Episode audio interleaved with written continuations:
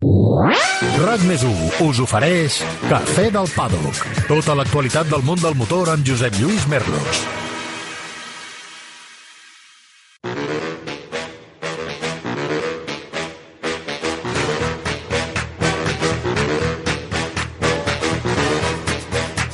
Avui aquesta sintonia gairebé l'haguessin pogut substituir per una cançó alguna música tipus country, perquè el programa d'aquesta setmana, aquest cafè del paddock número 28, té un marcat sabor americà.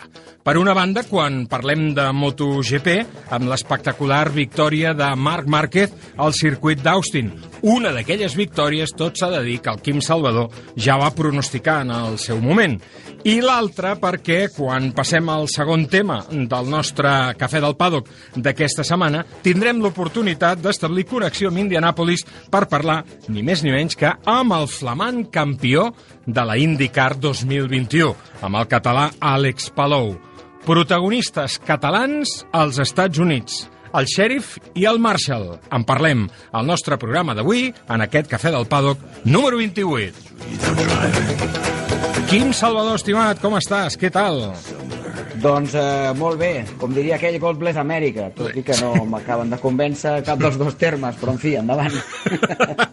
no puc estar més d'acord amb tu. Va, avui en parlarem, parlarem de MotoGP, largo i tendido, que diria aquell, perquè l'ocasió s'ho mereix, sobretot després de la gran cursa que va fer Marc Márquez. Avui, Cafè del Paddock, amb una alineació reduïda, però no per això menys bona.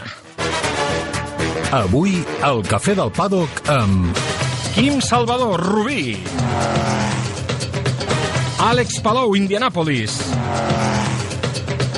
I Carla Gil a la gestió tècnica. ¡Trata de arrancarlo!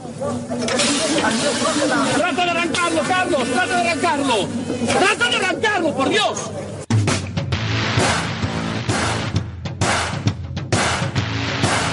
Va, que ens hi posem, traiem les pistoles. El xèrif torna a Austin. Marc Márquez obté la setena victòria al circuit de les Amèriques, segona d'aquesta temporada, i no serà l'última.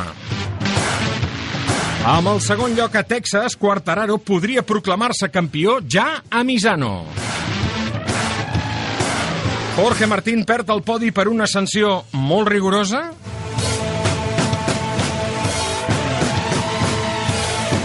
Raúl Fernández iguala com a rookie les set victòries de Márquez quan va debutar a Moto2, el títol de la categoria més obert que mai després de la única errada de Garner en el que va de temporada. Dues banderes vermelles adulteren la cursa de Moto3 a Austin. Guevara va obtenir la seva primera victòria en un dia que Onsu, castigat durant dues curses, va estar a punt de provocar una tragèdia. Tot i fer només la vuitena posició, Acosta podria ser campió a Misano després de l'accident que va deixar García Dols inèdit al circuit de les Amèriques per lesió. Àlex Palau ens explica des d'Indianapolis com està vivint les celebracions del títol de la IndyCar i com prepara l'assalt al 2022.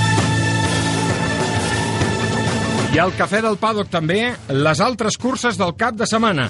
Superbikes a Portimao, Mundial de Ral·lis a Finlàndia i Motocross a Alemanya.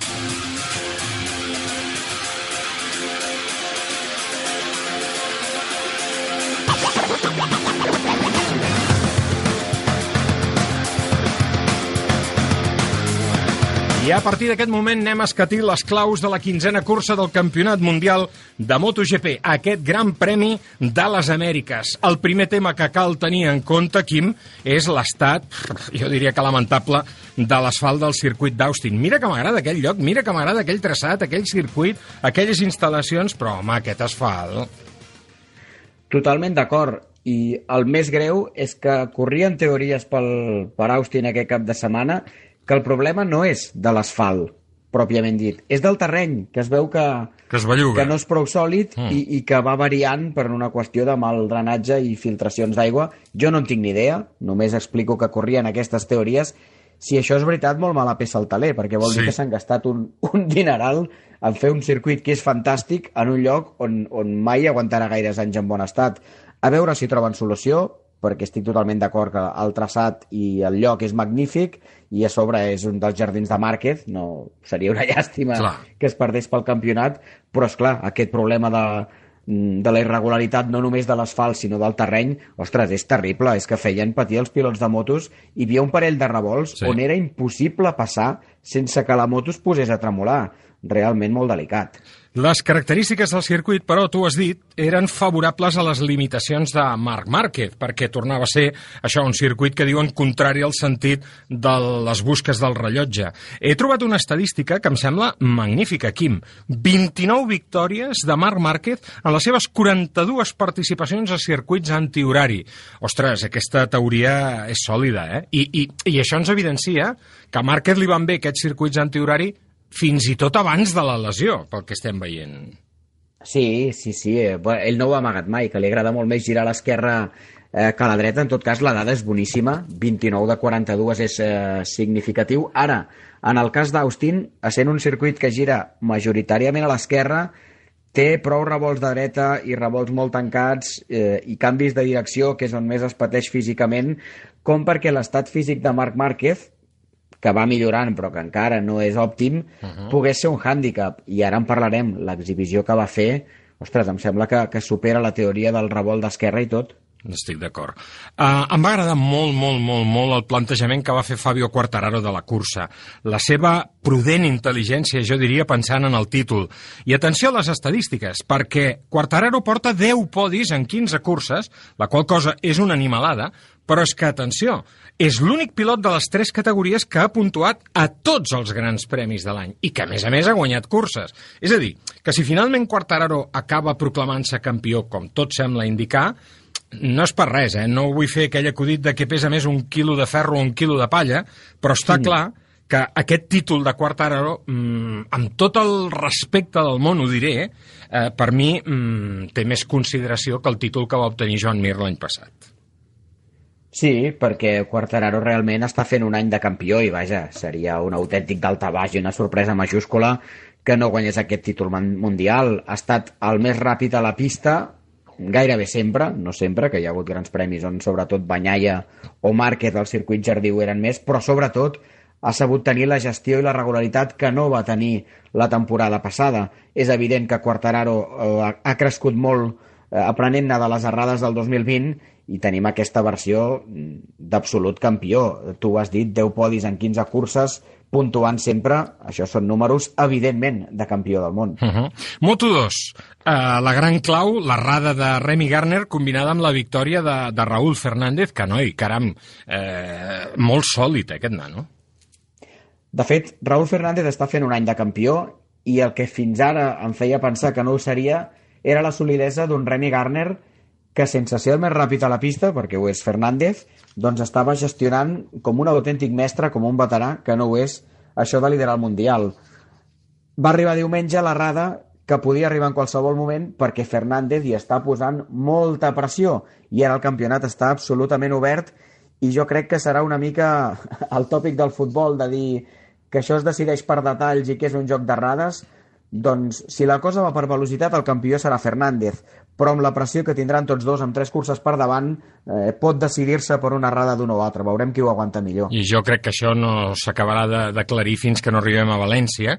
I ja sabem que València és un circuit on històricament hem tingut algunes sorpreses amb decisions d'aquestes d'última hora. I si no, que li preguntin a Valentino Rossi, per exemple. Uh, o a la Ah, exacte, exacte. Moto 3, bogeries a dojo, eh? Uh, molta gent mereix estopa aquest cap de setmana en aquesta categoria de Moto 3.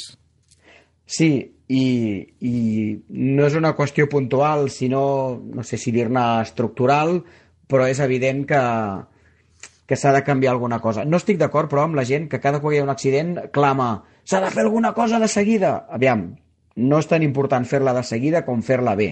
D'acord. I ens consta que hi ha gent treballant en mirar de canviar eh, coses a les categories, sobretot de formació, per evitar els accidents per atropellament que ens estan eh, donant un any nefast a tots els amants del motor i del eh, motociclisme.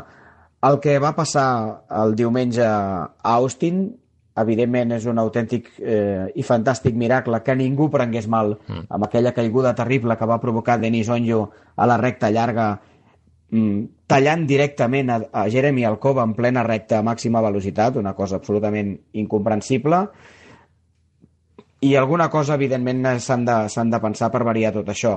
Dues curses sense córrer a Onllo, doncs em sembla el, el mínim, però sobretot no es tracta de prendre mesures ràpidament perquè hi ha alarma, que n'hi ha, sinó sobretot prendre-les bé. I sobretot hem de recordar que el motociclisme és i continuarà sent un esport del risc, que el risc zero no existeix, que l'enyorat Simoncelli va morir atropellat en una cursa de MotoGP i pel pilot amb més experiència i, i, i millor de la història segurament. És a dir, que el risc sempre hi serà. Ara, que estem veient massa coses molt perilloses és evident. La gran clau també de Moto3 eh, comença divendres amb l'absència per lesió de García Dols que posa el títol en safata a Pedro Acosta. Una llàstima, una llàstima perquè, ostres, el Sergio estava, estava fent una molt bona temporada i tenia velocitat per intentar portar el títol obert, no sé, a la penúltima o a l'última cursa, en cas que Costa fallés, que últimament eh, està fallant més del compte. El que passa és que, malauradament, ha eliminat Sergio García, però Acosta no es pot adormir, perquè Denis Fotja està agafant una solidesa important mm. i s'ha situat a 30 punts Algú pot pensar només 30 punts, perquè Acosta mm, havia tingut eh, més de 50. Home, sí, 30 punts amb 3 curses per davant, t'ho signa qualsevol, eh, també, el, el que vagi líder. Però en tot cas compta amb Foggia i ara veurem, també és interessant, eh, com gestiona aquests tres grans premis Pedro Acosta, que aquesta temporada n'està aprenent moltíssim, perquè d'anar sempre amb rauxa a guanyar, com ens va demostrar el Gran Premi de Doha, per exemple, que va sortir del pit lane i els va guanyar tots, eh, s'està veient amb necessitat de gestionar i de plantejar les curses com a ell no li agrada, com ens explicava aquí el Cafè del Paddock aquest estiu, però quan hi ha un Mundial en joc, això també ho has d'aprendre a fer.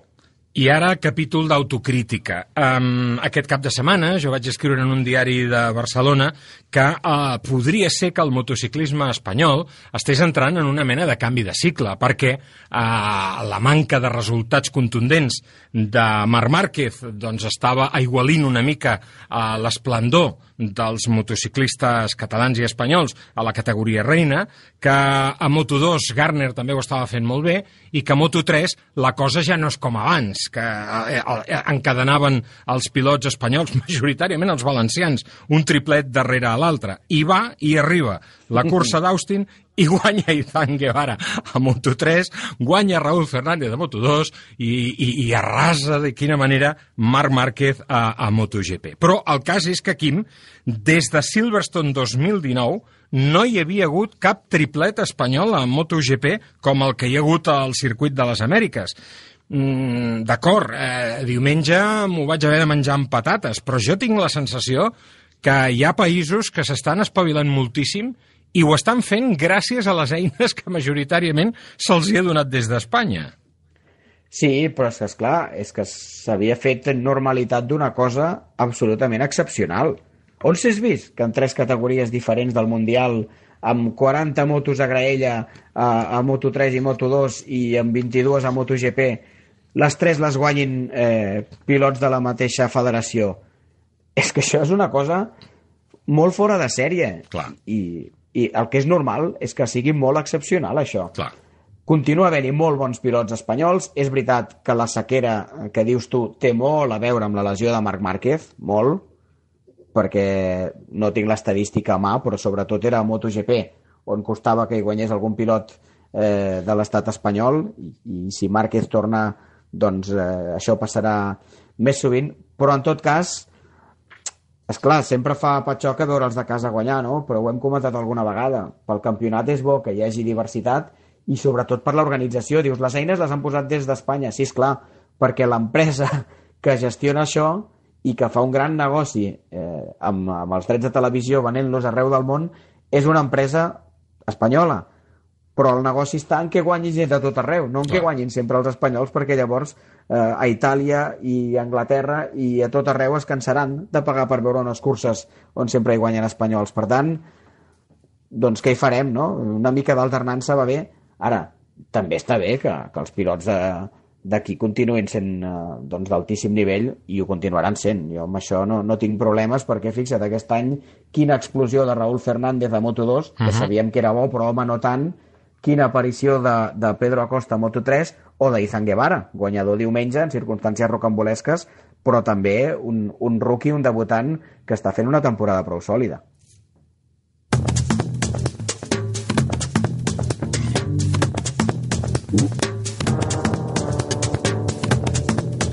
Després de 15 curses al Campionat Mundial ja només en queden 3 perquè s'acabi la temporada. La pròxima serà d'aquí a 3 setmanes a Misano, el Gran Premi de la Reggio Emilia. Després tindrem una nova cursa a... Ara, ara, ara no me'n recordo quin circuit és el penúltim, vaja. I després vindrà... Portugal, Portugal perdona, això, el circuit de l'Algarve. I després eh, tindrem cursa, com dèiem, a València, la cursa que tancarà al campionat. De moment, a MotoGP lidera Fabio Quartararo amb 254 punts, en té 52 de diferència, comencen a ser bastants punts, sobre Peco Banyaia. La tercera posició, primer pilot de la Federació Espanyola classificat és Joan Mir, el mallorquí té 175, està a 79 de Fabio Quartararo. Primer català ara passa a ser Marc Márquez, que és setè del Campionat Mundial, en té 117. 13 de diferència sobre Aleix Espargaró, que és vuitè, Maverick Viñales, que ocupa la novena posició. Àlex Rins és dotzè, Pol Espargaró quinzè, Àlex Márquez ocupa la setzena posició. Analitzem aquesta categoria de MotoGP, categoria Quim, que va començar amb la notícia comprensible, d'altra banda, de l'absència de Maverick Viñales, aquesta vegada més que justificada eh, la mort del seu familiar, Dean Berta Viñales, el va tocar moltíssim, el va enganxar a Houston, el Mac estava viatjant cap a cap a Austin i quan va arribar, crec que a l'aeroport de Houston va rebre una comunicació d'Aprilia que entenien que si no es veia amb cor de córrer aquesta cursa, que l'exoneraven d'alguna manera de participar en la mateixa. A mi aquesta actitud sí. d'Aprilia m'ha agradat moltíssim perquè humanitza el campionat, això. Mira, e, és el que anava a dir. N'hi ha per treure's el barret amb aquesta eh, posició d'Aprilia, eh, respectant absolutament la situació delicadíssima de Maverick Viñales, que estic segur que devia aterrar, aterrar a Houston i devia pensar què redimonis hi faig aquí? I no pots posar, per molt bo que sigui, un pilot a, a jugar-se el tipus a 300 per hora en una MotoGP si no té clar què està fent en un circuit eh, de curses. També és cert que ni Vinyales ni Aprilia s'estan jugant al campionat i que a nivell de, de classificació no els hi ve d'aquí, però per Aprilia és important sí, que Vinyales corri. I en un mercat com l'americà. Sabem un mercat com l'americà i la necessitat d'evolució d'aquesta moto amb una altra opinió que no sigui la de l'Aleix, que a sobre va tenir un cap de setmana espantós. Mm. Però hi ha coses que han d'estar per damunt de, dels compromisos signats i de la competició i dels interessos econòmics i en aquest cas em sembla eh, doncs molt bé el que van fer a Aprilia i em sembla molt comprensible que el Maverick decidís que no tenia ganes de córrer. Que el seu cosí Isaac sí que ha corregut a Superbikes? Doncs em sembla igual de bé. Vull dir, aquestes coses Clar. van per dins i cadascú les porta com les porta o l'afecta com l'afecta. En tot cas, si Vinyales no estava psicològicament en condicions, el pitjor que es podia fer era forçar-lo a pujar a la moto en un circuit de curses que a sobre, i això no ho sabíem abans del Gran Premi, uh mhm. -huh. estava en unes condicions Clar. fatals per, per algú que, doncs, que, que, que no està al 100% psicològicament comprensible la decisió de Vinyales, una forta abraçada al Maverick i a tota la família, que evidentment ho estan passant molt malament, i molt bé, xapó, em trec el barret amb, amb la decisió d'Aprilia. I tant que sí. I dijous el Pit Lane hi va haver un homenatge a Dean Berta Vinyales. Ara no recordo qui va ser, potser em sembla que va ser en Joan Mir, que va dir estem farts ja de fer minuts de silenci i, i ho puc entendre també, no? Perquè Ostres, aquesta és una feina complicada, la de pilotar, de jugar-te la vida a 300 km per hora, Eh, i, I clar, quan surts a córrer sabent que mor un company teu de professió, ostres, eh, encara posa més en valor l'esforç que fan tots aquests eh, esportistes, no? Um, sí. Eh, eh, entenc, jo, eh, sí, digues, digues, Quim. Hm. No, entenc, entenc el, el que diu Joan Mir, però fixa't que quan, quan va ja haver-hi l'accident el desgraciat de Dipasquí a Mugello, mm. el debat era que, que no podia ser sortir a córrer havent fet el minut de silenci abans per l'impacte emocional. Uh -huh. Jo crec que els pilots eh, els hi surt de dins, però també el campionat ho necessita, i no Clar. només per qüestió d'imatge, tot i que també és important, eh, la imatge que es projecta, però més per una qüestió eh, emocional pròpia de tota la família eh, que formem part del paddock, començant pels pilots, que són els que s'hi juguen el bigoti, Clar. és necessari, un moment de dol, un moment de reconeixement. Jo crec que és pitjor continuar com si no hagués passat res. D'acord. I en aquest cas, home, afecta perquè, perquè el Din era de la família de Vinyales, que és una família del paddock de MotoGP. De tota la vida. Eh, Mhm. Perquè si no, a vegades això quan ha passat en un altre campionat doncs sap molt greu, però, però no es fa un reconeixement així. Però en tot cas és que la bona solució no hi és, no? Què fem? No fer res? Home, malament, no pot Mm. ser. Què fem? Ho aturem tot? Home, doncs tampoc. Tampoc, perquè tots sabem que és un esport de risc i perquè la vida continua. I si cada vegada que passa una tragèdia en qualsevol àmbit ho atures tot, doncs no farem res. Ja sé que hi haurà gent que ara dirà però què està dient aquest animal, que no té sentiments, etc etc. No es tracta d'això, però es tracta de que, vaja, és que ho acabo de dir, no pots parar-ho tot cada cop que hi ha una tragèdia, perquè és que si no eh, sempre estaria tot aturat. Sí, sí, però de la mateixa manera que a mi m'enorgulleix que Aprilia mm, doncs, entengui perfectament els sentiments de Maverick Viñales, jo també estic molt orgullós que un, una empresa com Dorna potenciï aquests minuts de silenci. Per això que dius, perquè sí, la vida continua, però no som robots i per tant No, és, és de justícia reconèixer eh, que un nano de 15 anys ja no està entre nosaltres. I no em val allò de que ha mort practicant allò que més li agradava a la vida. No ho sabem si és el que més li agradava a la vida o no, no ho sabem. Però en qualsevol cas és un nano de 15 anys que s'ha mort. I per tant no deixa de ser una desgràcia, evidentment. I per tant jo crec que està bé fer el minut de silenci, però també puc entendre que els pilots estiguin cansats perquè, clar, els està tocant conviure massa sovint amb la desgràcia. I, per tant, es tracta de, com tu molt bé has dit abans, eh, d'intentar trobar una solució, eh, la bona, la més adequada, o la que creiem que sigui la millor, i aquí sí que discrepo amb tu, mm, crec que amb la màxima urgència possible.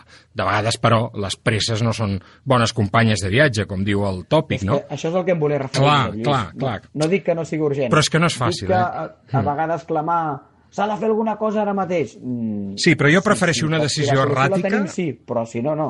Jo prefereixo una decisió, una, una proposta erràtica que una inacció. La inacció és el pitjor que podem fer, eh? Vull dir, No, però inacció no n'hi haurà. No, n'hi haurà. no, no, estic com, convençut com que no. Segur, segur. De la seguretat. Segur, segur, n'estic convençut.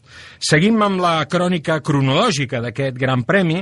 Divendres el Marc ja va presentar les seves credencials per davant justament de, de Jack Miller eh, amb un circuit això, ho hem, ho hem dit, no? que no estava bé, però que a més a més tenia unes condicions d'adherència precàries perquè una sessió va ser en pluja i l'altra va ser en sec. I fixa't en una cosa, Quim, jo he estat analitzant tot el cap de setmana, a partir del que va passar divendres, però inclosa la cursa i, i la sessió de, de, de dissabte. Però la cursa per mi té un pes específic important. I t'has fixat que amb un asfalt tan dolent, amb unes condicions d'adherència doncs, molt irregulars i molt inconstants, vam veure com pilots que tenen aquest sentiment innat van reeixir. Evidentment, Marc Márquez, però també Jack Miller, que recordem que les seves victòries han vingut en aigua, però també Binder, que és un pilot d'aquests eh, intuitius, però també Zarco, fins que cau. Zarco, que recordem, encara no s'ha recuperat d'aquests problemes de, de tendinitis, malgrat l'operació que té. Això vol dir que en condicions així més tipus motocross, com era aquest, aquest gran premi, això, els pilots innats, els que són eh, pilots intuitius, naturals, se'n surten molt bé. Estàs d'acord? Sí, totalment d'acord. De fet, ja fa molts anys que sabem que Marc Márquez, quan hi ha coses estranyes, és el candidat número 1 a guanyar. Perquè improvisa coses molt bé. estranyes i sobretot mm. quan la pista llisca més. Mhm. Hi ha la teoria que això li ve de, de practicar tant dirt track Mhm. i segur que hi té a veure i hi ha l'altra que acabes de dir tu i que jo hi estic totalment d'acord que també hi ha una qüestió innata simplement hi ha pilots que no necessiten que l'adherència sigui perfecta per anar forts i aquests són els que en aquestes eh, situacions marquen les diferències eh, doncs sí, sí, de fet el Marc va començar manant d'una manera eh, molt... De fet, l'autoritat que vam veure diumenge a la cursa ens la va ensenyar el divendres Clar. en pista mixta i pista seca. El que passa és que dissabte no sé si va dissimular o què, però ens va fer pensar que potser no seria tan senzill. Bueno, però després eh, jo, jo crec que estaven provant coses dissabte, eh? Vull dir, perquè sí. amb, amb la classificació assegurada per la Q2, jo crec que el dissabte er- era un dia per anar, per anar provant coses. I parlant de Q2, quarta pole de l'any per Peco Banyaia, tercera consecutiva. Jo crec que, que Banyaia ho va fer molt bé, tot i, i fer aquesta tercera posició, però és que a Márquez no hi havia qui l'aturés i Quartararo estava en estat de gràcia. Sí, de fet, eh, Banyaia no és d'aquests pilots que té aquesta capacitat innata per anar fort sobre Aquí qualsevol vaig, cosa. aquí vaig. Banyaia és dels que ho necessita tot allò, i de fet, la pole del dissabte és una sorpresa relativa, perquè, Mm. és clar, un tio que ve de fer-ne dues seguides no és tan sorprenent, però sí per les condicions de, de la pista, no? I té molt mèrit. El problema és que ell a la cursa doncs, es va demostrar que una cosa és una volta i l'altra és fer una cursa sencera amb aquelles condicions. I ho va fer molt bé, perquè era un dia que Banyaia podia haver perdut bous i esquelles i home, és veritat que Miller el va deixar passar, que Martín li va passar el que ara comentarem, que el podi era en principi de Martín, però al final has de ser tu qui porti la moto al tercer lloc, perquè, perquè tots els altres també han molt de pressa, Clar. i Banyaia va saber treure gairebé el màxim d'una situació absolutament desfavorable. Ara, jo crec, i vaja, ho, ho creu tothom que miri la classificació, doncs que això no li arribarà per, per allargar la disputa del títol més enllà de Misano o de Portimao. Mm. Però en tot cas, eh, encara ho va fer prou bé Banyaia tenint en compte les condicions. I recordem que Banyaia sap què és guanyar a Austin, ho havia fet precisament quan competia a Moto2. Tornant al Marc, eh, el de Cervera tornava a una primera línia 441 dies després de l'última, que aviat està dit, i, clar, quan ell diumenge al matí eh, diu jo avui no estic per guanyar, potser sí per fer podi, jo me'l vaig creure, jo me'l vaig creure. Però després, clar, veient l'animalada que va fer, em quedo amb un, amb un vídeo que ha penjat a les xarxes socials a l'Òscar mm, de l'equip eh, Pramac, Òscar Aro. Òscar Aro, això, uh, que diu, diu i, eh, és un vídeo d'aquests allò gravats a correcuita en el paddock, i diu, hi ha pilots bons, pilots molt bons i aquesta puta bèstia, textualment, diu, i senyala, i senyala el Marc. I és que és veritat, és que el que va fer el Marc diumenge, la contundència, és que hi va haver un moment que portava eh, 5 segons de diferència i va acabar guanyant Sí, sí. amb 4.6, crec recordar. Això és una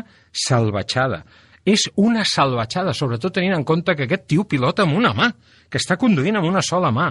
Per molt bé que li vagi el circuit d'Austin, per molt que els revolts siguin al seu favor, eh, no fotres de cap amb una moto tan crítica com la Honda sobre aquell asfalt, pilotant d'aquella manera, quan després es va acabar la cursa i a zona ens van repetir algunes de les frenades del Marc, que es veia com la roda del darrere s'aixecava un pam a cada frenada. Pff, és molt bèstia, això, és molt bèstia. Uh, avui he llegit a les xarxes, abans de venir cap a, cap a l'estudi, molta gent que diu i si no està tan malament com ens pensem? I tant que està malament, i tant que ho està. El que passa que, això, el que deia Òscar Aro, és una puta bèstia. És que és una, una victòria per golejada. És una, una pallissa absoluta el que, va, el que va infringir Marc Márquez a la resta. Jo haig de reconèixer que, mira que fa temps que el coneixem, eh? Sí. però que també me'l vaig creure aquest cop, de que, Mm. ui, guanyar, no sé, no sé. Jo veia venir una cursa com la del Motorland, on estaria Sí. lluitant per la victòria, però no veia va venir una escapada No. eh, tan bèstia com la que va fer el, el Marc. Jo estic d'acord que no està al 100%, però penso que no està tan malament Mm. i crec que diumenge, vaja, crec no, ho varen veure tots, Mm. eh, si, si no si no te'n recordes que està lesionat, doncs no passa res, perquè Clar. el, el veus a la pista, el Marc Márquez, de, el, el de sempre, el d'abans de la Mm. lesió, el, la bèstia eh, competitiva i ambiciosa que, que va com una esperitat eh, a guanyar la cursa, barallant-se amb la moto i amb les frenades I amb el com món, si no hi hagués i amb el món. Cada vegada me'n recordo, Josep Lluís, de no sé qui que va escriure d'una caiguda a Silverstone que Márquez havia caigut perquè tenia por. Ha! Un pilot que té por no guanya No. en un circuit de velocitat que sembla motocross eh, com el d'Austin.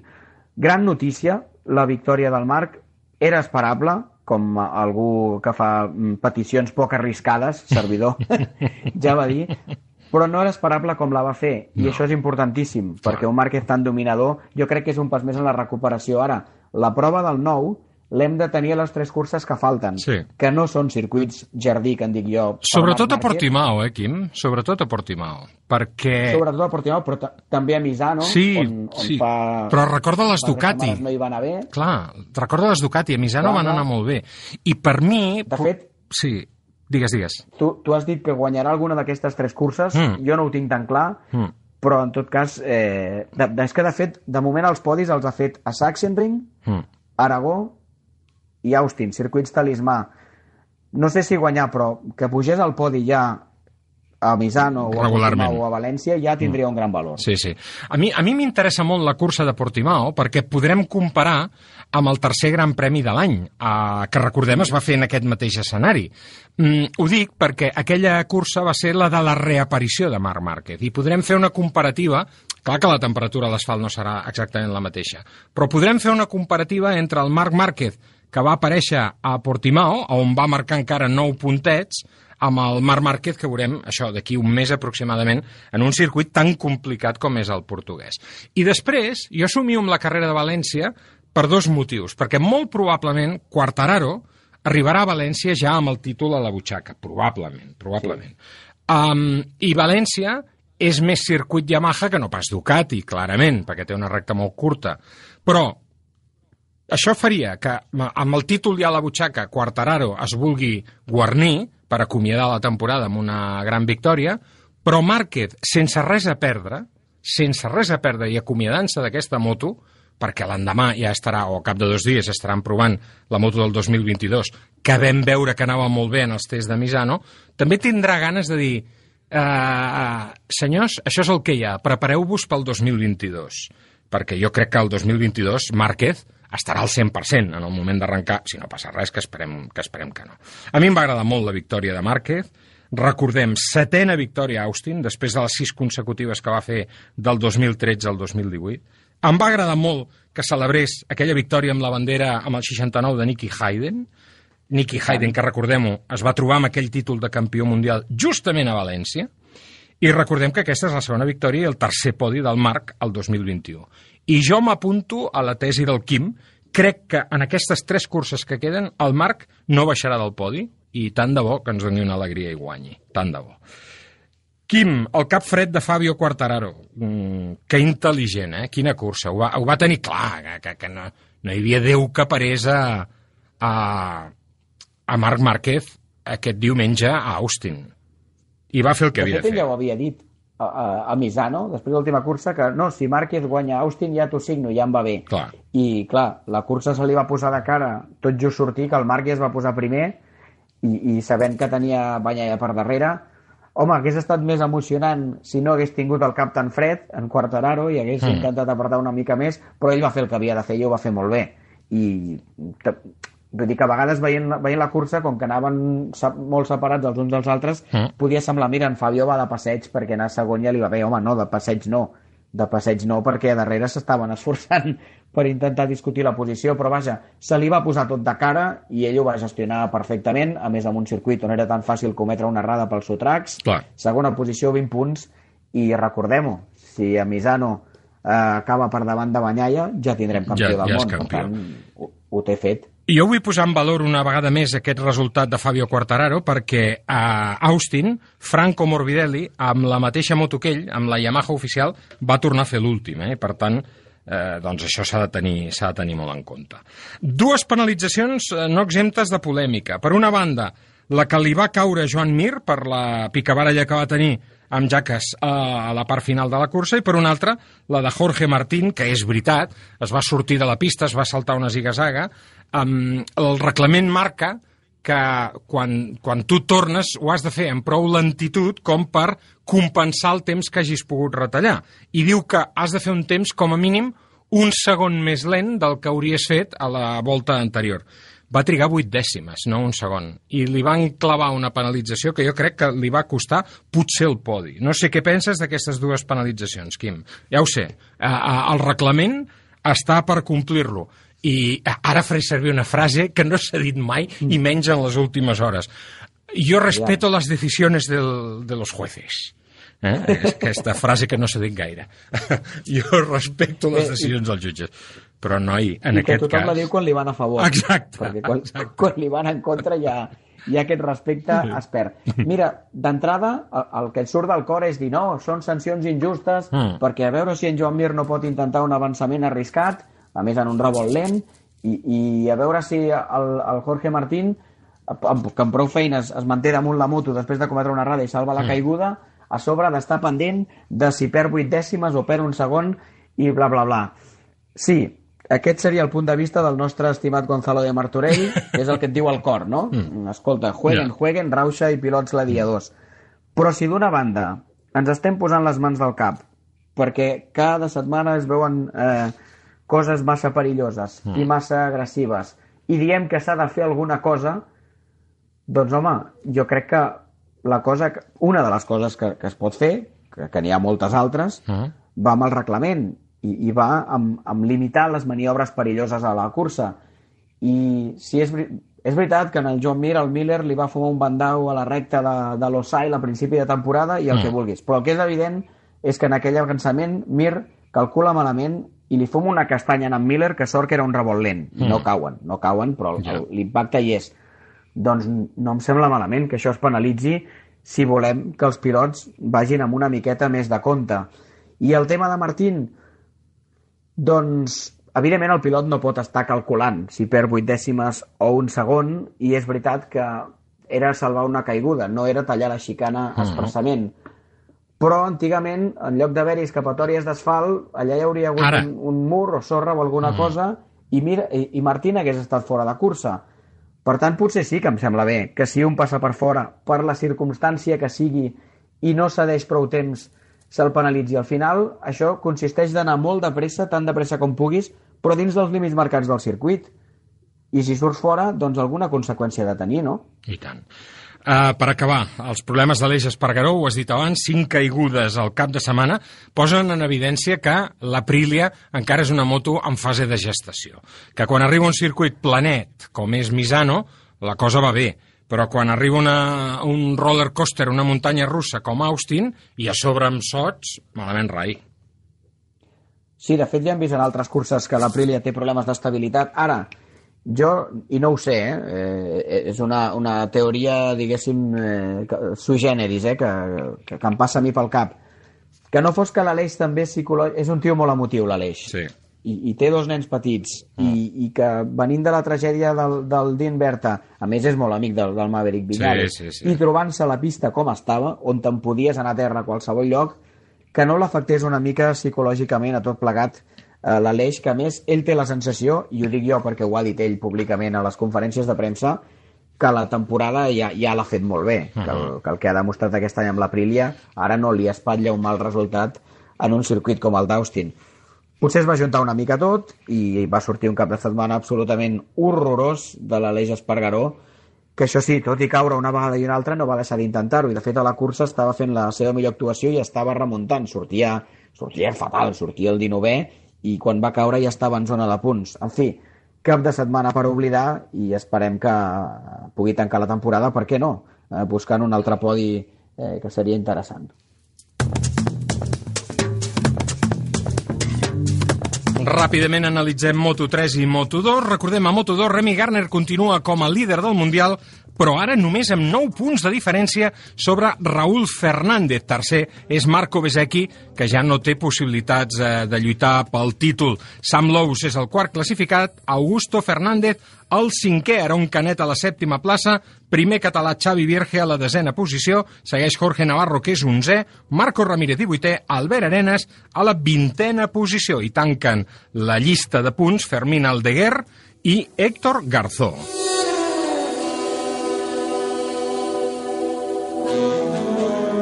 A Moto3, Pedro Acosta es manté com a líder, però com deia abans el Quim, només, entre cometes, amb 30 punts de diferència sobre Denis Foggia. Sergio García Dols és el tercer, ara ja 50 punts, i és que només Austin en va perdre 20 de cop en relació a Acosta. Jaume Macià és el cinquè i Zan Guevara el vuitè. Els catalans, Jeremy Alcoba, 13è, Gavi Rodrigo, 16è, Xavi Artigas a la vintena posició, Carlos Tatay a la 22a.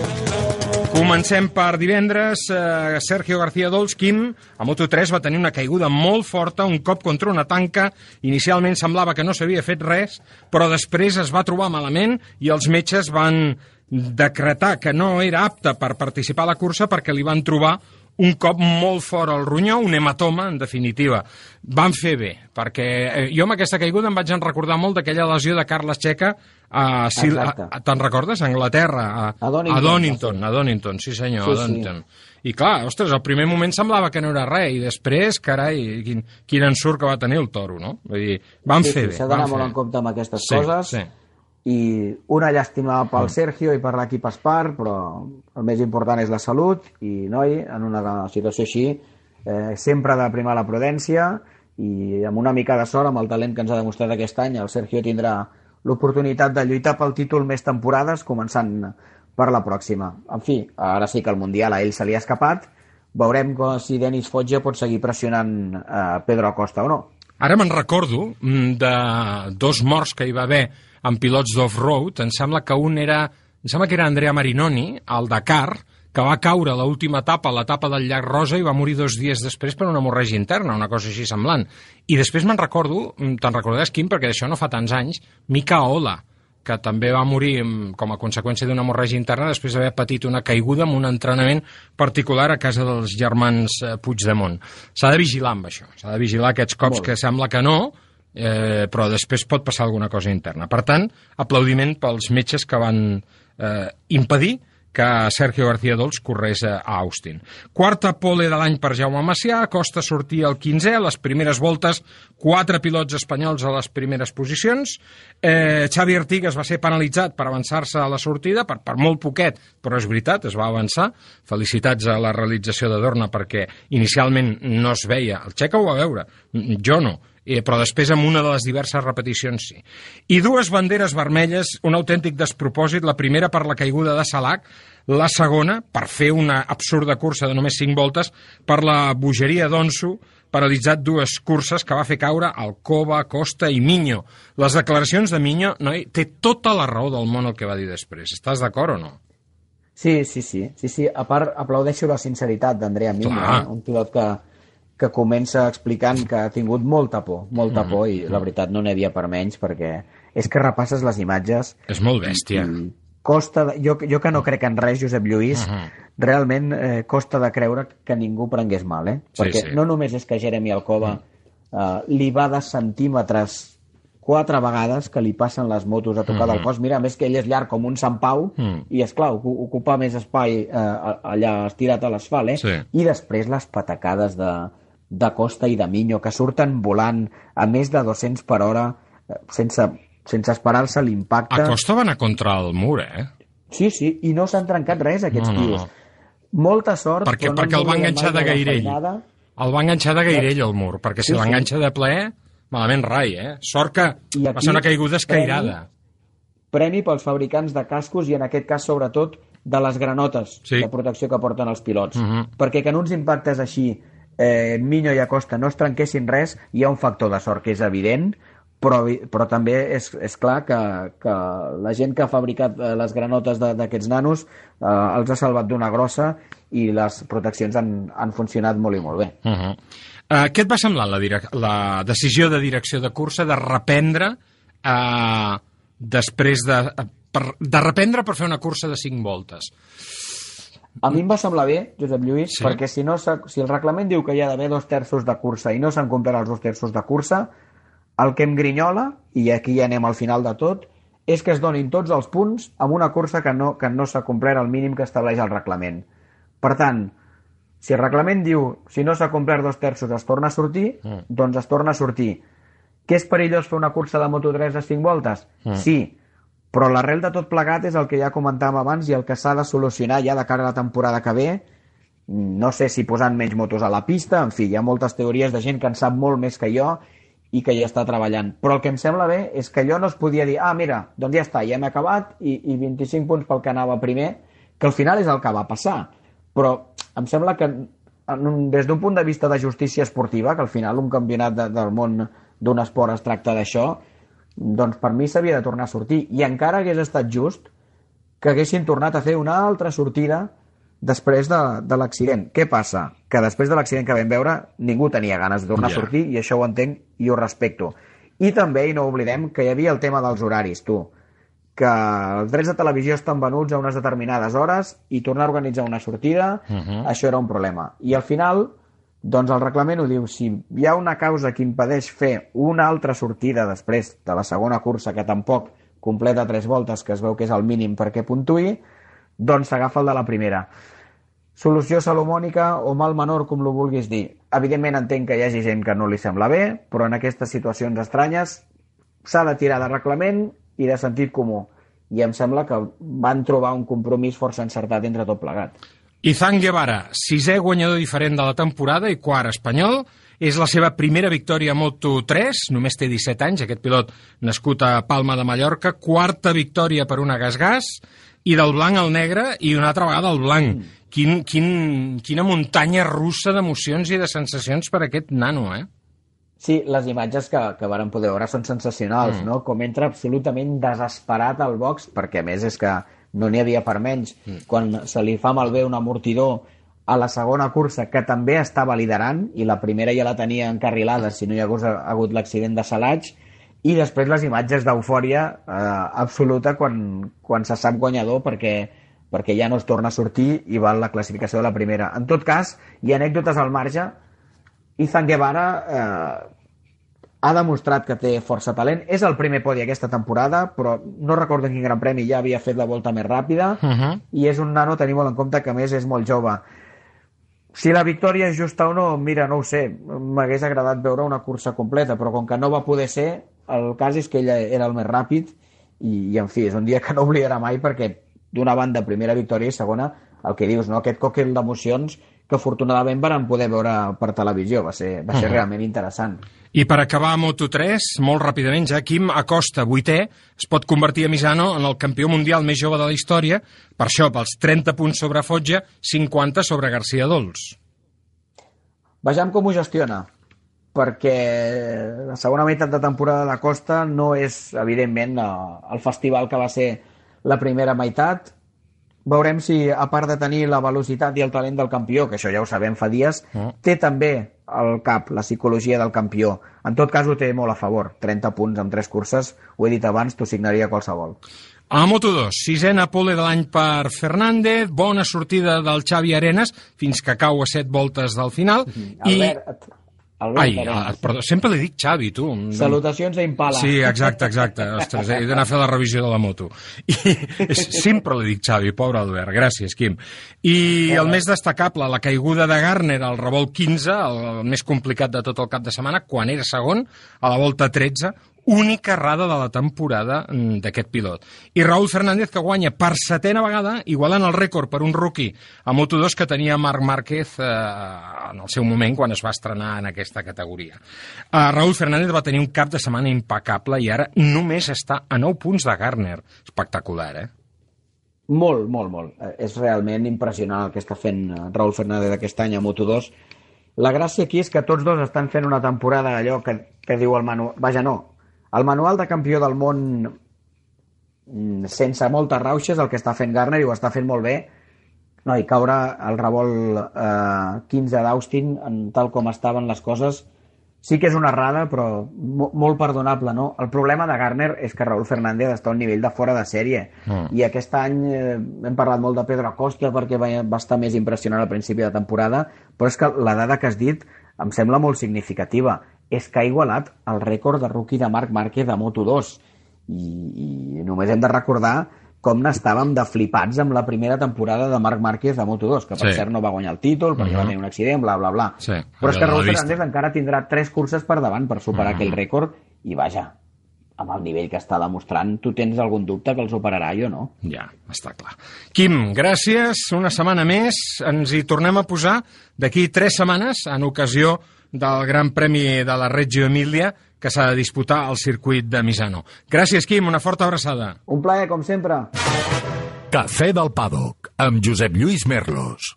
RAC Més 1. Em vull vendre el cotxe, vendre el cotxe. A vender mi cotxe et comprem el cotxe. Però com? On i quan? No tinc temps. Fàcil i molt de pressa. No cal ni demanar cita. Vine amb el teu cotxe, accepta la millor oferta i abans de 30 minuts tu i els teus diners estareu de tornada a casa. Vinga, venta el cotxe a vender mi cotxe. Som a Barcelona, al carrer Rocafort 78, Cornellà de Llobregat i a Sabadell. Et vols vendre el cotxe? Busca, compara i, si algú te'n paga més, vine a Ocasión Plus. Millorem qualsevol taxació al millor preu garantit. Pagament al cap de 30 minuts. Ocasión Plus. Dues botigues a Terrassa, una altra a Mataró i també a ocasionplus.com. Obrim els dissabtes matí i tarda. RAC més 1 us està oferint Cafè del Pado. Tota l'actualitat del món del motor amb Josep Lluís Merlos.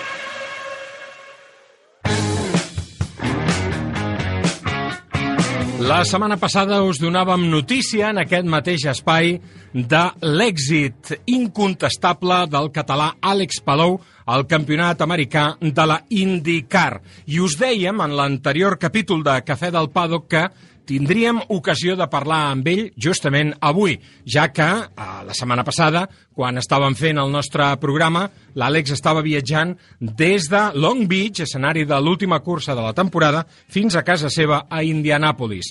Ja hi és, ja hi ha arribat, i justament ara tenim l'oportunitat de parlar aquí al Cafè del Paddock des d'Indianapolis ni més ni menys que amb el flamant, atenció, eh, em poso dret per dir això, campió de la IndyCar 2021. Hosti, Àlex, això sona molt fort, eh? Sona, sona molt fort, sona potent i la veritat que eh, bueno, fins fa, fa poquet, fins fa un dia o mig dia que, que realment no, no havia tingut temps de eh, sentar-me sol al sofà i, i, i parar un moment de les entrevistes i de tot el que m'està passant ara i, i, i creure-m'ho, no? Així que eh, molt content, és algo que he perseguit jo crec que des que vaig començar eh, el karting i, i amb les carreres, així que portem 19 anys eh, perseguint un moment tan important com aquest i la veritat que eh, se sent encara millor del que eh, m'hauria pogut imaginar.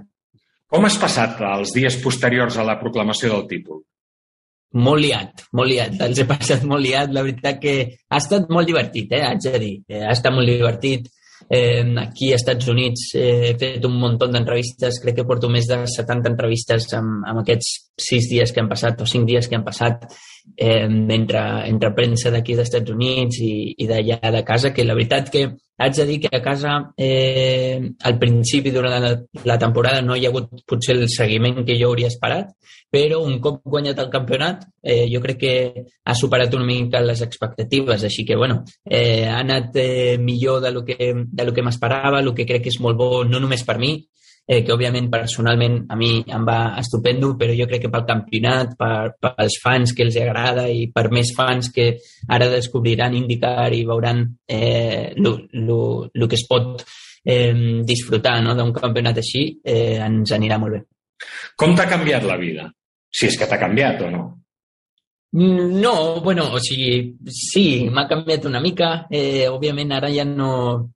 Ja eh, sóc campió, no? Això ho canvia tot. Canvia tot. Quan ets campió, canvia tot. Eh, no, no canvien els teus objectius, segueixen sent els mateixos, però eh, ja quan... Eh, ahir, per exemple, teníem el sopar de, de celebració d'Indicar i quan diuen el teu nom diuen campió de la IndyCar. Llavors, eh, vulguis o no, són, són només dues paraules, no? Però ho canvia tot. Eh, però bueno, res, la veritat que mm, ja comencem a treballar el dilluns, comencem a treballar per l'any que ve, eh, tenim simulador, tenim test, així que no ha canviat tant. Ara tinc moltes ganes de, de començar a treballar per l'any que ve i de poder anar a casa uns dies i, i celebrar una mica amb tota la família. Però fins ara només t'entrevistaven pringats com el Merlos i ara suposo que et deu de trucar a Oprah Winfrey, que et deu de trucar a Joe Biden perquè vagis a la Casa Blanca. Això, deu, això ara és un altre nivell, eh? No tant, no tant, però bueno, sí que és veritat que eh, les entrevistes que he fet aquests dies són, han, sigut, eh, han sigut bones, han sigut potents i sobretot aquí als Estats Units. Eh, no sé, vam fer una entrevista amb New York Times, no? que potser no, no, no canvia molt, no? però bueno, només pel nom i, i per tot el que coneixem des de casa eh, eh, és, és especial. Així que molt content per, per tota la visibilitat que se m'està donant tant a casa com aquí als Estats Units i, i, i bueno, a seguir. Com ho vas celebrar? és que porto una setmana, així que ho he celebrat de molts tipus diferents. la veritat que allà el diumenge per la nit eh, vaig acabar molt tard del circuit i, i, i estava el meu pare que va venir per Long Beach eh, per la carrera. S'anava a les 4 del matí i vam dir, bueno, ja que tan vas tan d'hora o tan tard, diguem, eh, podem anar a prendre alguna cosa, no? Així que vaig anar amb els meus sponsors eh, i, i amb la gent que m'acompanyava, la, meva, la meva parella també, vam anar allà, vam, vam sopar, vam celebrar, vam prendre una mica de tequila, unes cerveses, eh, que això normalment no es fa, em vaig posar una mica content i vam celebrar, no? Així que eh, després, bueno, he, he tingut diferents tipus de celebració amb l'equip, eh, sol, així que una mica de tot. Què vas pensar quan vas veure el cotxe del, del Pato Ward entrevessat allà enmig de la pista perquè ell estava per davant teu? Eh, a casa vam fotre un crit espectacular quan vam veure el seu cotxe allà entrevessat que, que quasi te'l menges, eh? Sí, quasi, quasi ens quedem allà també. Aviam, sincerament, el primer és que em va semblar malament perquè jo crec que tots els que lluitem pel campionat, eh, que érem tres cotxes a l'última carrera, tots els altres pilots tenen que ten, tenir una mica extra de cuidau, una mica, potser deixar-nos 10 centímetres més. Més que res perquè eh, tenir una oportunitat per lluitar per un campionat és molt, molt difícil i que te treguin fora no és la millor manera. Així que m'hagués agradat eh, lluitar eh, amb el Pato a, a la pista. Quan el vaig veure del revés vaig pensar això potser no és tan bo per mi perquè podríem fer una estratègia molt diferent, saps? Podrien jugar-se-la jo sabia que ell no tenia el ritme com per guanyar la carrera, a una carrera normal, però a una carrera d'estratègies mai saps qui pot guanyar. Així que eh, encara no les tenia totes fins que, òbviament, eh, va abandonar 10 voltes després. Vas patir nervis en algun moment? Perquè des de fora la sensació és que tu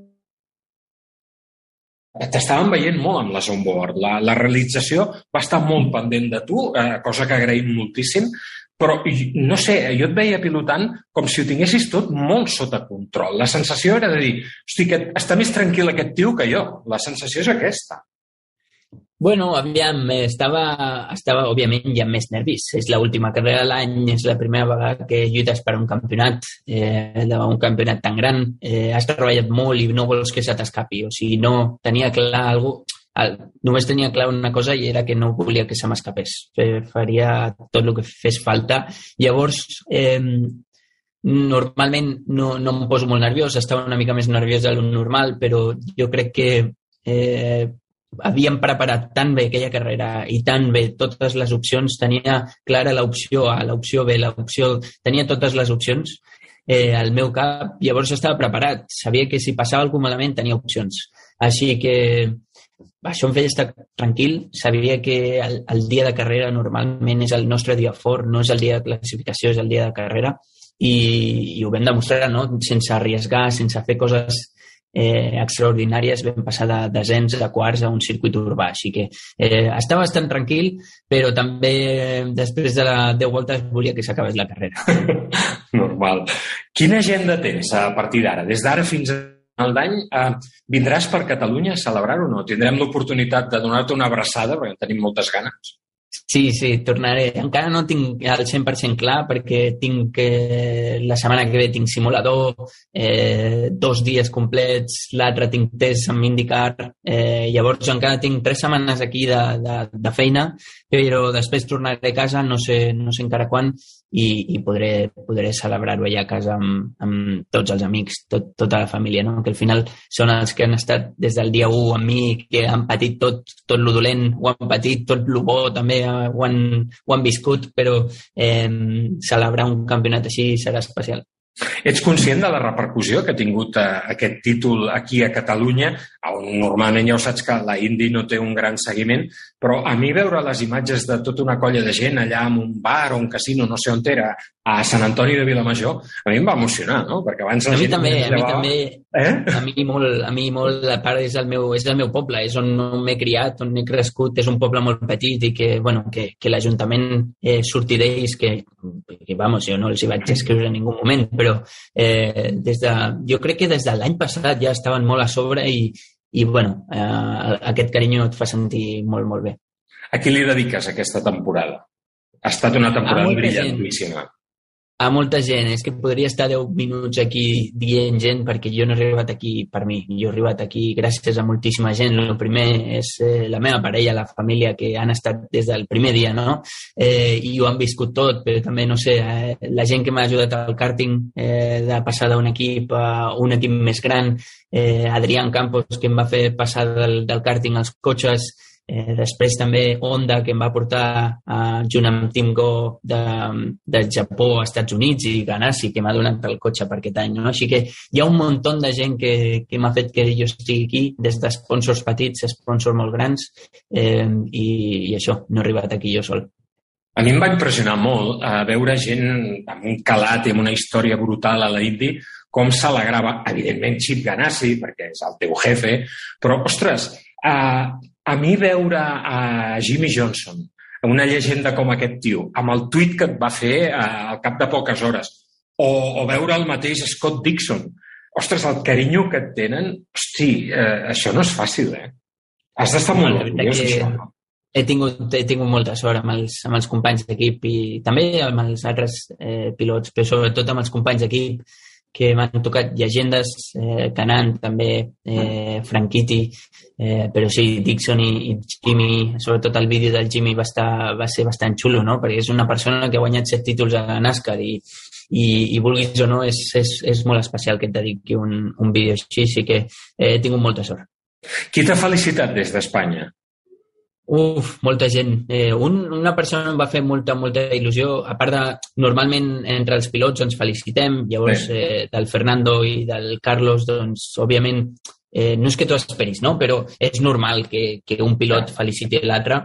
Però, per exemple, el Pau Gasol, que no té res a veure amb cotxes, vaig veure el sí, era molt xulo. Em va fer molta il·lusió perquè, bueno, mai, mai he tingut relació amb ell i, òbviament, no té res a veure el bàsquet amb, amb, amb els cotxes, no? Però va felicitar i això eh, ho, va fer, ho va fer especial.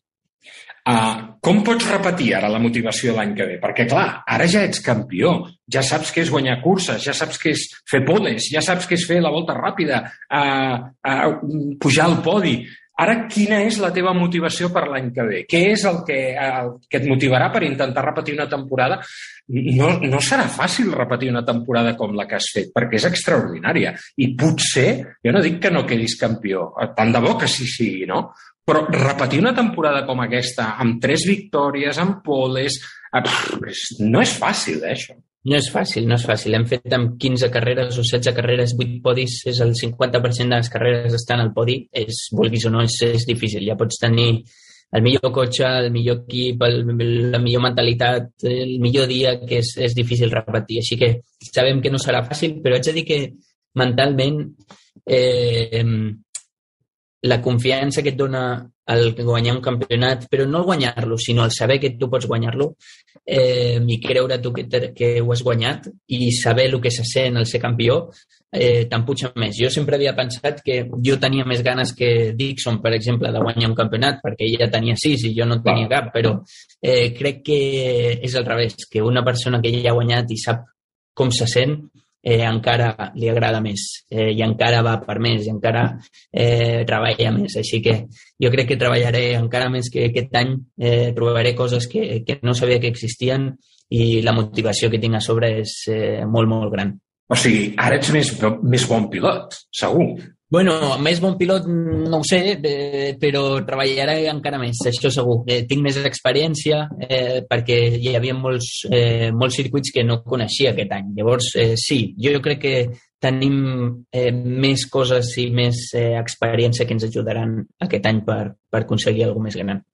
Ah, escolta, per acabar, un, una xafarderia. Eh, portes l'anell o no de campió normalment o no? Perquè el... veien allò, no? El tinc, el tinc eh, ara mateix, no el tinc aquí a la taula, però el tinc aquí a, el tinc aquí a casa, l'he portat tota la setmana perquè a totes les eh, entrevistes així presencials i en vídeo sí que l'he ensenyat, però ara mateix no el tinc aquí i em fa ràbia, però després t'enviaré una foto. Eh, la veritat que no és molt còmode, que diguem, perquè s'han passat de, de tamany, és enorme, però bueno, una cosa d'aquesta és una tradició americana que eh, et fa sentir molt, molt orgullós. La primera vegada que vaig venir a Indianapolis eh, seguint el Fermín Vélez, fa, fa molts anys d'això. Com saps, la mare del Fermín és una joiera fantàstica, molt, molt reconeguda, i, i el primer que em deia el Fermín quan li van donar l'anell, no de guanyador perquè no va guanyar, però eh, ja ho saps que a les 500 milles te'l donen igualment, i em va dir, ostres, tu creus que la meva mare aprovarà que em posi aquest anell? És el que et deia, no? I per això vaig pensar, dic, hosti, l'Àlex que, què farà. Uh, Àlex, moltíssimes gràcies per aquesta entrevista. Moltes gràcies per la temporada que ens has regalat, perquè, uh, uh, evidentment, la temporada és mèrit teu, però és que uh, ens has fet vibrar moltíssim durant aquest any i, sobretot, per la gran alegria de veure't guanyant uh, el títol i d'aquesta manera tan, tan contundent. Gràcies per aquesta entrevista, gràcies per la temporada, enhorabona pel títol i esperem veure't en persona aviat aquí a casa i, com deia, fer-te una forta abraçada. Sí, home, sí, ja, ja t'avisaré i, i us vindré a veure, però moltíssimes gràcies. Eh, qui més ha disfrutat he sigut jo i, i anirem a per més l'any que ve. Segur que sí. Gràcies, Àlex. RAC Més? 1. Et vols vendre el cotxe? Busca, compara i, si algú te'n paga més, vine a Ocasión Plus. Millorem qualsevol taxació al millor preu garantit. Pagament al cap de 30 minuts. Ocasión Plus. Dues botigues a Terrassa, un altre a Mataró i també a ocasionplus.com. Obrim els dissabtes matí i tarda. Em vull vendre el cotxe, vendre el cotxe. A vender mi cotxe et comprem el cotxe. Però com? On i quan? No tinc temps. Fàcil i molt de pressa. No cal ni demanar cita. Vine amb el teu cotxe, accepta la millor oferta i abans de 30 minuts tu i els teus diners estareu de tornada a casa. Vinga, venta el cotxe a vender mi cotxe. Som a Barcelona, al carrer Rocafort 78, Cornellà de Llobregat i a Sabadell. RAC més 1 us està oferint Cafè del Pado. Tota l'actualitat del món del motor amb Josep Lluís Merlos.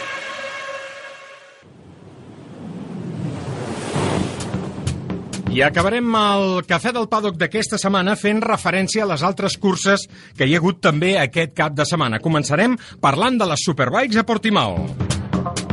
Cap de setmana espectacular al circuit de l'Algarve que ha contribuït a donar més emoció encara al Mundial de Superbikes quan només queden dues curses perquè s'acabi la temporada, Argentina i Indonèsia. Toprak Razgatlioglu segueix liderant el campionat amb 24 punts de diferència sobre Jonathan Ray.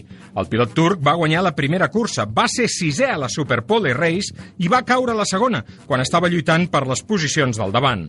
Ray va ser el guanyador d'aquesta última mànega, demostrant una gran capacitat de superació després de les caigudes que havia tingut a les dues primeres proves del cap de setmana.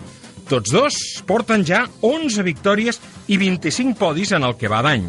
Per Johnny Ray, aquesta era la victòria número 110 Cal destacar també la primera victòria de Michael van der Mark amb una BMW, que es va adjudicar la Superpole Race. Aquest cap de setmana també ha servit per proclamar Adrián Huertas com a campió mundial de Supersport 300 en l'última cursa de l'any d'aquesta categoria. A Supersport, les victòries de Cluzel i Odendal han endarrerit la proclamació d'Agerter com a campió, tot i que té el títol a tocar. La pròxima cursa serà d'aquí una setmana a l'Argentina. Mundial de ral·lis. Elfin Evans ha estat el guanyador del Rally de Finlàndia aquest cap de setmana, a una mitjana impressionant de gairebé 126 km per hora sobre els ràpids trams nòrdics de terra. Ott Tanak i Craig Breen han ocupat les altres posicions d'honor. Ogier es manté com a líder del Mundial, per davant d'Evans i Noville. La pròxima cursa del campionat serà el Catalunya Costa Daurada, del 14 al 17 d'octubre, tot sobre trams d'asfalt i que pot ser decisiu pel títol.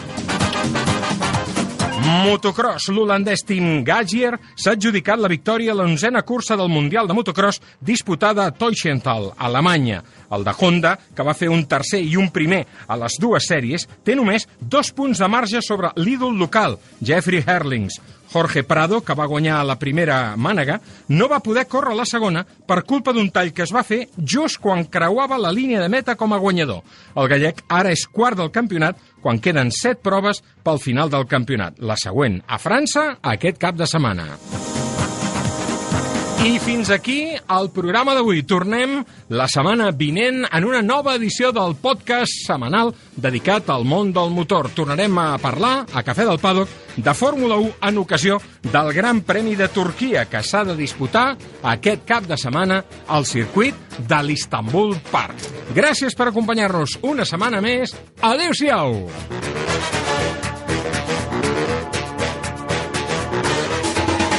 RAC més us ha ofert Cafè del Paddock. Tota l'actualitat del món del motor amb Josep Lluís Merlos.